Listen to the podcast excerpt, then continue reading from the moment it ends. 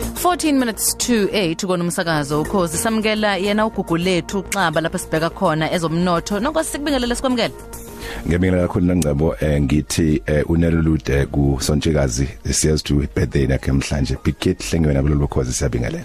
Shiye ku iwallet lapho kuhleke kungani? Noma noma kanjani ibheke nje after this? Wow. Eh ake ake siphose iso emuva eh nonkosi sibheke njengoba sesiyengasemaphethelweni ayo inyanga yenkululeko phecelezi Freedom Month. Ingcebe ngifuna sikubheke nje kafushane eh ekade sikhuluma ngakho ngeviki edlule ukuthi besibuka isifundazwe sase Western Cape sibuka futhi nalokho esikubiza phecelezi entrepreneurial ecosystem ukuthi yenza kanjani ukuthi kwakheka amathuba emisebenzi ngoba uzokhumbula ukuthi iningizimu Afrika nongcebe sikudinga kakhulu manje ukuthi kube khona abantu abazokwakha amathuba amabhizinisi eh futhi kwakheke imisebenzi labantu abaningi abayifunayo. Njengoba sikwi graduation season eningizimu Afrika baningi aba abantwana manje abaphumile ezikoleni uzothola ukuthi badinga imisebenzi imisebenzi ayikho. Sidinga abantu abazokwakha imisebenzi abaningi kunakuqala. Okwesibili kulokho njengoba sivala lenyanga ekuthiwa inyanga yenkululeko nongcebo eh lana sikhuluma kakhulukazi ngesimo esingasibiza ukuthi iningizimu Afrika umuntu omnyama uselokho esikubiza ngokuthi economic apartheid environment. Akashintsha okuningi eh nanoma ngabe sekukhona uhulumeni wethu makuza ezintweni ehambisana namabhizinisi ingakho uye ubone eh kulokhu kudominate abantu ababodwa ngokwezomnotho. uClem Santo omunye weingcweti ikhuluma ngama scenario planners uyakucacisa lokhu ukuthi lokho kubizwa kuthiwa Afrikaner entrepreneurship eh kunyuke kakhulu nabelungu bathola ukuba babe zicebe ezinkulu ukudlula ngesikhathi sobandlululo. Lokusho ukuthi senomsebenzi omkhulu kumele siwenzile eh nongcebo maqondana nokuthi sisize ingqondo yethu yomAfrika ukuthi ifinyelele lapho kufanele bekhona ukuze abambe umnotho.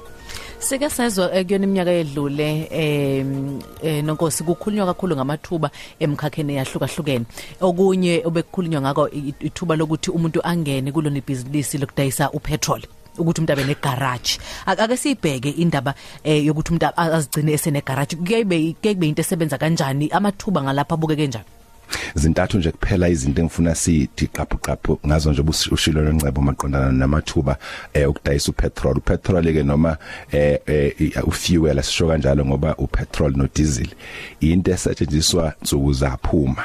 Eh wonke umuntu nje nemonto akadingi ukuthanda ukuze ayothenga upetrol egarage lakho. Mayisiyomile nje imonto iyafanele ihambe iyongena iphuze. Ekuzonde njalo ekuzonda enjalo futhi okunye akufani nabantu namathenda ngoba bafika be u20 abantu beze kuyi briefing yamathenda kanti niphelezela umuntu oyedwa.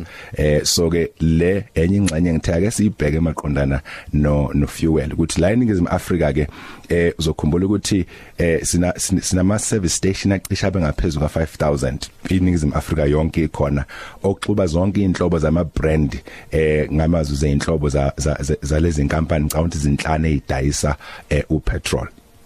Eh lo ngamazwi ke kunethuba kunamathuba amaningi akhona ahambisana nokuthi alikabe guquko olukhulu oludingakala ukuthi malibe khona maqondana no petrol eh nongcebo mawukhuluma futhi ngalesi sigaba sika sika se fuel ye retail em kunezinto eziningi efanele zenzeke la masikhuluma ngepolitiki yomnotho ngoba eh kwelinye igara ilokuzana i-fuel station noma igarage ethile ngeke ngilisho ngegama eh li B compliant kodwa aba iB yakhona akuwona ama Africa eh ngoba kusesikhathi kufanele sikubhekisise lokho futhi sikuphonsela inselelo ukuthi uma kukhulunywa ngokuguquko esumo somnotho kungakhulunywa ukuthi eh cha bakhona abamnyama kanti kukhulunywa ngabamnyama abanye. Hayi thina sikho thina nhlobo. Kunabantu kunenye igarage esikhuluma ngalo ke la solichaza ngelinye ilanga mase sisodwa elina 50% wabantu bomdabu wasendiya. Abamnyama bona bodwa eh okungekho abamnyama bama-Afrika into efanele siyibhekelezo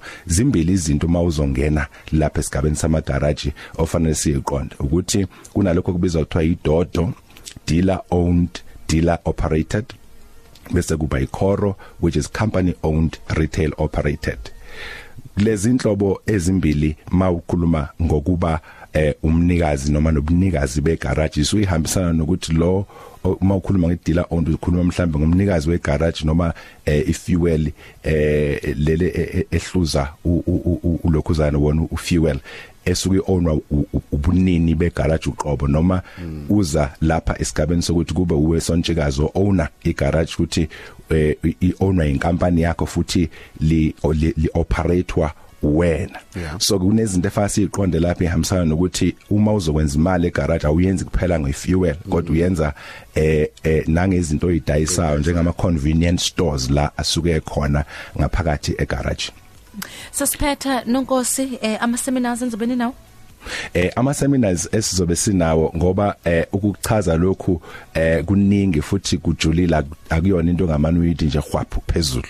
Idinga ukuthi eh sichazisise kabanzi ukuthi owner kanjani igarage uma unendawo indawo yakho u- u- uyenza kanjani ukuthi ikwazi kuba indawo ezokwazi ukuthi ithathe le le, le business ye garage futhi into izinto oyidingayo. So besinama seminars amathathu engifisa ukucacisa ukuthi azobe holwe insizwa lapho usibonelo wambatha osithekweni eyaziwa kakhulu ngokona ama garage ofuna futhi ukusiza abantu abaningi la eNingizimu Afrika kakhulu azabesifazane so besibheke 70% wabantu efana ba own ama garage abesifazane.